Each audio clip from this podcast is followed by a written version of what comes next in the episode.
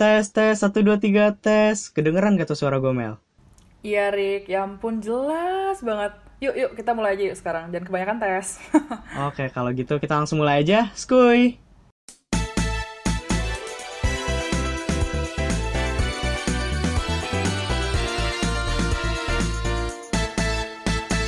Ah, nggak di kampus, di kelas, kuliah online, di podcast. Ketemu lagi, lu lagi sampai bosen gue Rick.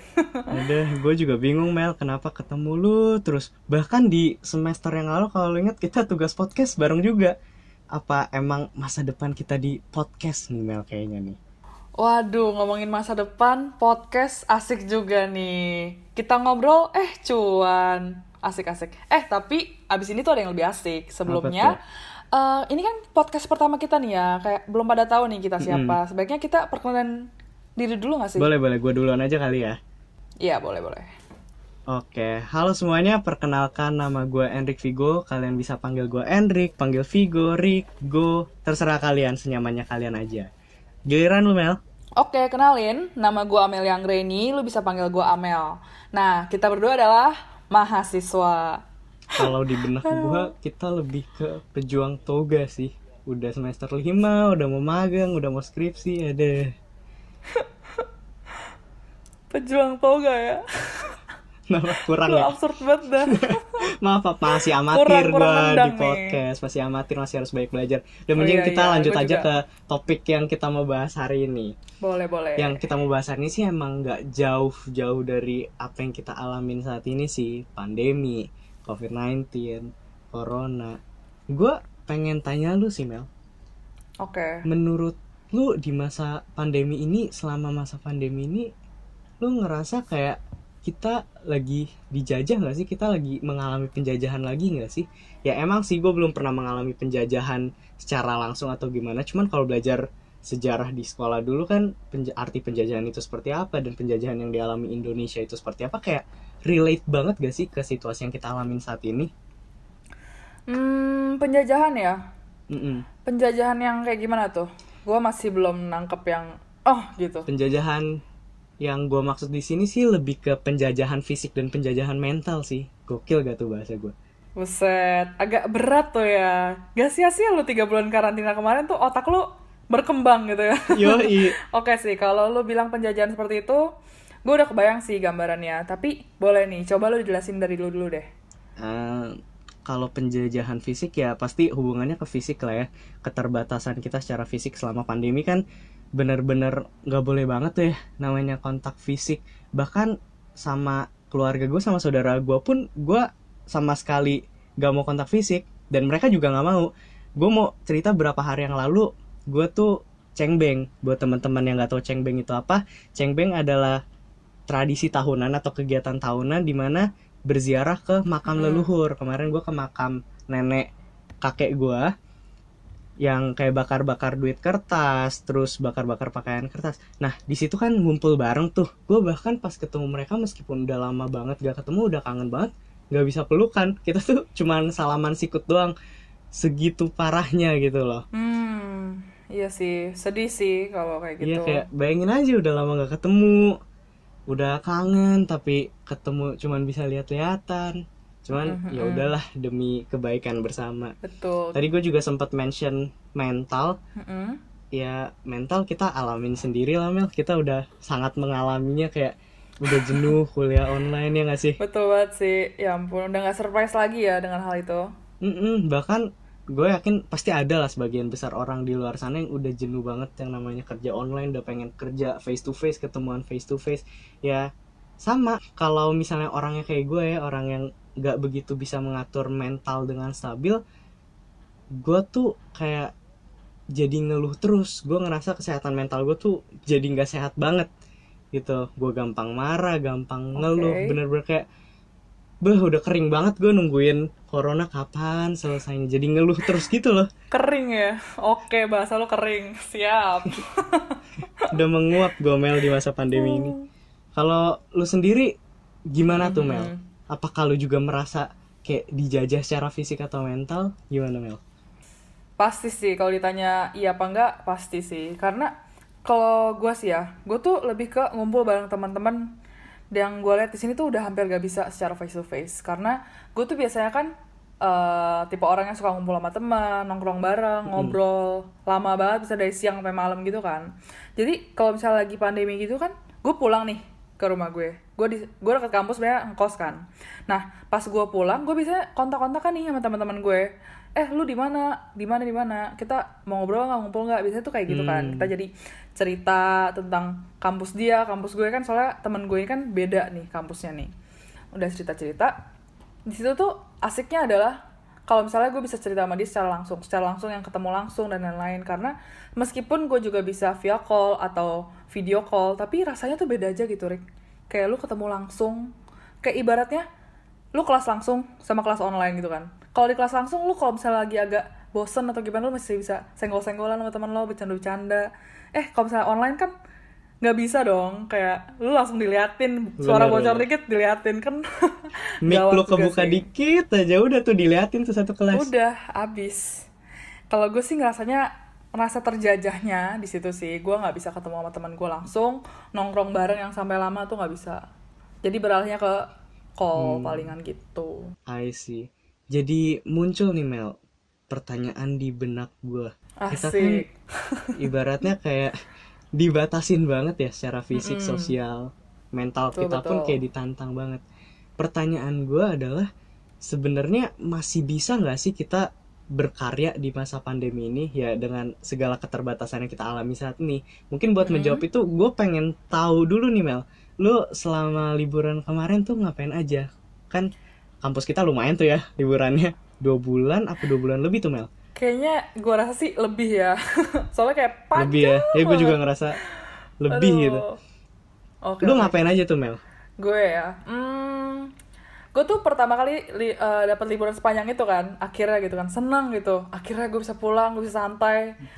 Eh, jenuh juga sih ya dari hiruk pikuk kota tuh kayak aduh ya ampun kanan kiri kendaraan asap dan lain-lain. Ah gue pulang gue bisa santai. Oke yang hal pertama yang gue lakukan adalah gue nonton sepuas-puasnya. Gue tuh kan suka nonton. Gue suka nonton yang lucu-lucu dan lain-lain yang bisa bikin gue ketawa gitu kan. Eh eh, abis gue nonton gue nonton berhari-hari tapi lama-lama kok bosen ya. Saking bosennya tuh sampai mikir gitu loh ya ampun bosen banget gue harus ngapain ya? Gitu loh sampai bosennya tuh uh tingkatnya tuh udah di puncak lah istilahnya. Sampai Iya, gue iya. mikir Waduh kayaknya gue harus melakukan sesuatu nih biar gue nggak selalu bosen biar nggak gabut gitu kan. Mm-mm. ya udah akhirnya gue uh, mulai cari tahu tentang hal yang gue suka kan. Sebenarnya gue tuh udah lama suka sama kopi kan. Aduh curhatnya Hmm. jadi ke kopi ya. Ya udah. Uh, selama itu gue cuman sebagai penikmat kopi doang. Gue suka minum kopi. Ya maksudnya minum kopi ya. Bukan minum yang lain guys. Minum kopi uh, terus uh, sedikit tahu tentang oh ya udah kalau kopi itu bijinya uh, robusta sama arabica doang. Kalau robusta tuh yang lebih pahit kafeinnya lebih banyak. Kalau arabica tuh lebih light dan lebih asam. Acidity fruitsnya tuh lebih banyak. Kalau nggak salah ya mohon maaf banget. Ini mah kalau masih salah masih amatir. That's okay, yang penting ada Terus, lah. jadi kayak gue cari-cari salah satunya tuh gue cari kan tentang gimana sih cara eh, membuat secangkir kopi itu. Maksudnya cara menyeduhnya cara menyajikannya. Oh pas gue cari nggak selalu eh, apa ya cuman direbus dan lain-lain gitu doang tapi ada cara lainnya. Salah satu gue belajar tuh ada V60 dan kebetulan ternyata di rumah gue tuh juga ada alatnya. Paling gue hanya beli alat yang bukan alat sih jatuhnya tuh kayak pelengkapnya gitu loh kayak Hmm. hmm, kertas penyaringannya gitu loh. Jadi kalau misalnya lu lihat di Google atau di apa di physics itu sebenarnya ada harus ada penyaringannya gitu loh. Jadi nanti lu kayak pour over air panas di bubuk kopinya gitu terus ada kertas saringannya gitu. Nah selanjutnya untuk lebih detail bisa dicari di Google ya teman-teman. Karena gue juga takut salah sih di sini untuk menjelaskannya. Jadi gue di sini mikir kan dengan gue bisa mendalami apa ya hobi gue gue sempat mikir apa nanti ke depannya kalau gue ada waktu ada uangnya udah ada. Amin amin amin, Amin. harapannya pengen bikin kedai kopi gitu loh yang ada pastry-nya. Gue juga suka pastry cuman gue lebih ke yang ih kayaknya kalau punya kedai kopi tuh asik banget ya gitu loh Dia asik banget. Lu jangan sih kalau dari jangan gua. lupa temen lu ya, jangan gak ngundang-undang lu ya. ya ampun masa gitu sih Rick lu kan kenal gue Rick Let's asik. Tinggal sebut saya temennya Ibu Amel gitu ya. Waduh, ibu loh. Aduh, masih muda loh. Kak aja dong, Kak. Aduh, menjijikan banget sumpah. Boleh Oke boleh. lah, Kak. Amel, Kak Amel sih ya. Aduh, iya. gue siap, siap. kaget loh Mel ternyata lu knowledge lu tentang kopi tuh banyak ya gue nggak tahu lo sesuka itu sama kopi Iya nih, gue juga surprise nih. Ternyata gue bisa sesuka itu gitu loh. Nah, kalau lo gimana nih, Rick? Lo liburan? Apa main game terus? Gue. Atau telepon-telepon doi? Ya. nonton curahan hati istri gue Mel Oh tau my gak lu? God. bener gue nggak bohong lo tau gak sih lu curahan apa hati istri Yang menangis-nangis itu ya? iya iya yang Astaga. ku menangis ku menangis ku menangis itu Gak ya awalnya emang gua. gue juga Sumpah. gue juga bingung kenapa gue nonton ginian kayak kan lagi viral ya terus coba nonton lah eh ternyata bikin greget tapi nagih juga gitu Mel cuman nggak lah gue nggak nggak sebanyak itu nonton curahan hati istri gue juga bener kayak lu tadi apa main game gue juga Iya, ada main iya. game Percaya Kemarin kok kan- sama lo. kok kayak nggak percaya gitu nadanya ya udah percaya Oke, aja lah ya teman-teman secarik juga percaya aja lah ya Oke, siap. Lanjut. pas uas gua kemarin kan uas kita lah ya tepatnya kan cukup berat ya Mel ya Mm-mm. kayak tiap hari di depan laptop Astaga, ngerjain stres. uas dan lain sebagainya nggak ada waktu kan buat main jadi gua pas liburan tuh spend time waktu gua tuh mayoritas tuh dengan main game Oke. dan gue bisa main game dari pagi sampai malam siang sampai subuh dan itu yang gue lakuin setiap hari gitu loh Oke. dan oke. bahkan gue udah nyelesain tiga game saking gabutnya Astaga, apa kabar tuh mata? wah item kayak panda sumpah lu kaget kali kalau ketemu gue lagi Aduh, kayaknya enggak Derek. enggak bercanda bercanda. iya sabar gue sabar nah sampai mana tuh gue tadi oke sampai main game nah cuman kan semakin lama main game kan gimana sih jenuh juga lah ya dan gue ngerasa nggak produktif gitu gue liat IG story-nya temen-temen gue kan beberapa temen gue ada yang influencer ya ada yang endorse terus temen gue ada yang jadi model cowok pun jadi model. Kayak gue ngerasa kok gue kayak pengangguran gini ya? Nah sampai akhirnya Mm. waktu itu cici gue datengin gue tuh. Kasih lihat IG temennya dia bilang gini Apa tuh? lihat deh temen gue buka free food fotografi. Lu kan suka foto lu nggak tertarik nih dapat free produk lagi. Nah pas denger itu kan fokus gue langsung ke free produk ya berhubung gue doyan makan suka makan makanan enak suka makan banyak. Menurut gue oke banget nih sekalian nambah pengalaman sama pembelajaran juga kan. Ya akhirnya selama liburan kemarin gue coba Oke. nih beli-beli dulu di komponen-komponen buat food fotografi kayak dekor-dekornya. Terus coba dalemin kira-kira food styling yang bagus tuh kayak Wih, gimana. hebat. Nah bener puji Tuhan tuh kemarin dapet tuh dua produk buat difoto produknya datang ke gue gue bener-bener nggak bayar sepeser pun Mel Oke. produknya datang ke gue gue nggak harus bayar produknya nggak harus bayar ongkirnya Mhm. gue cuman membalas produknya itu dengan Kemampuan foto hasil lu. foto itu Oke.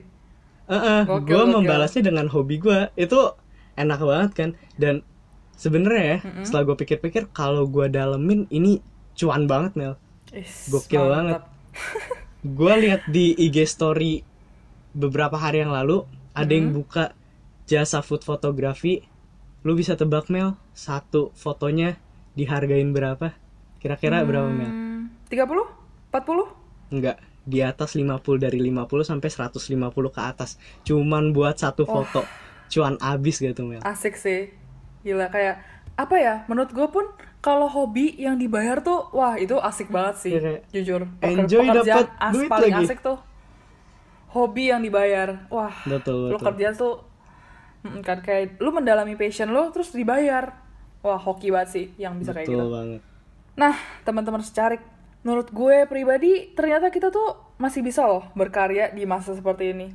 Kayak contohnya tuh dari curhatan gue sama Enrik tadi, yang mana ide gue tuh tentang bikin bisnis kopi itu bermula tuh dari rasa bosan gue yang udah paling puncak lah kayak gue udah gak tahu apa-apa lagi nih. Terus gue harus gue harus ngapain ya biar gue bosan. Nah tiba-tiba gue muncul ide buat uh, bikin bisnis kopi di ke depannya kan. Terus kalau Enrik tadi bermula dari perasaan gak produktif, ngerasa teman-temannya astaga kok dia udah kayak bisa menghasilkan cuan nih lagi masa-masa seper- seperti ini. Wah, gue terdorong gitu kan. Terus jadi lu ke idenya datang ke food fotografi. Nah, Betul jadi teman-teman. Yuk kita sama-sama belajar untuk coba ubah sudut pandang kita ubah mindset kita dari perasaan terpuruk kita salurkan jadi sebuah ide atau karya yang bermanfaat untuk diri sendiri maupun orang lain. Nah, setuju banget gue sama kata-kata Amel ini bisa dicatat tuh mungkin teman-teman secarik. Jadi ya intinya janganlah teman-teman secarik merasa terjajah, merasa depresi banget dengan situasi saat ini. Sebenarnya kalau kita pikir-pikir lagi, justru ini saatnya kita buat sama-sama bangkit dan berjuang untuk merdeka dari segala keterbatasan yang kita alamin saat ini. BTW Mel, kayaknya kita ngobrol udah mm -hmm. cukup lama juga ya.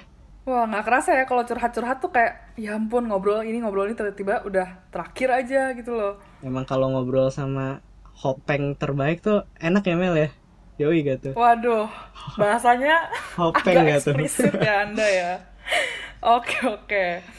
Ya harapannya sih di podcast pertama gue sama Amel ini bisa menginspirasi teman-teman secarik buat mulai berkarya dan bahkan terus berkarya ke depannya dalam situasi apa pun. Oke. Jalan hormat di depan buaya. Cakep. Katanya bisa bikin kaya. Tetap semangat dan berkarya. Sampai jumpa di podcast berikutnya. Mantap. See you guys. See you guys.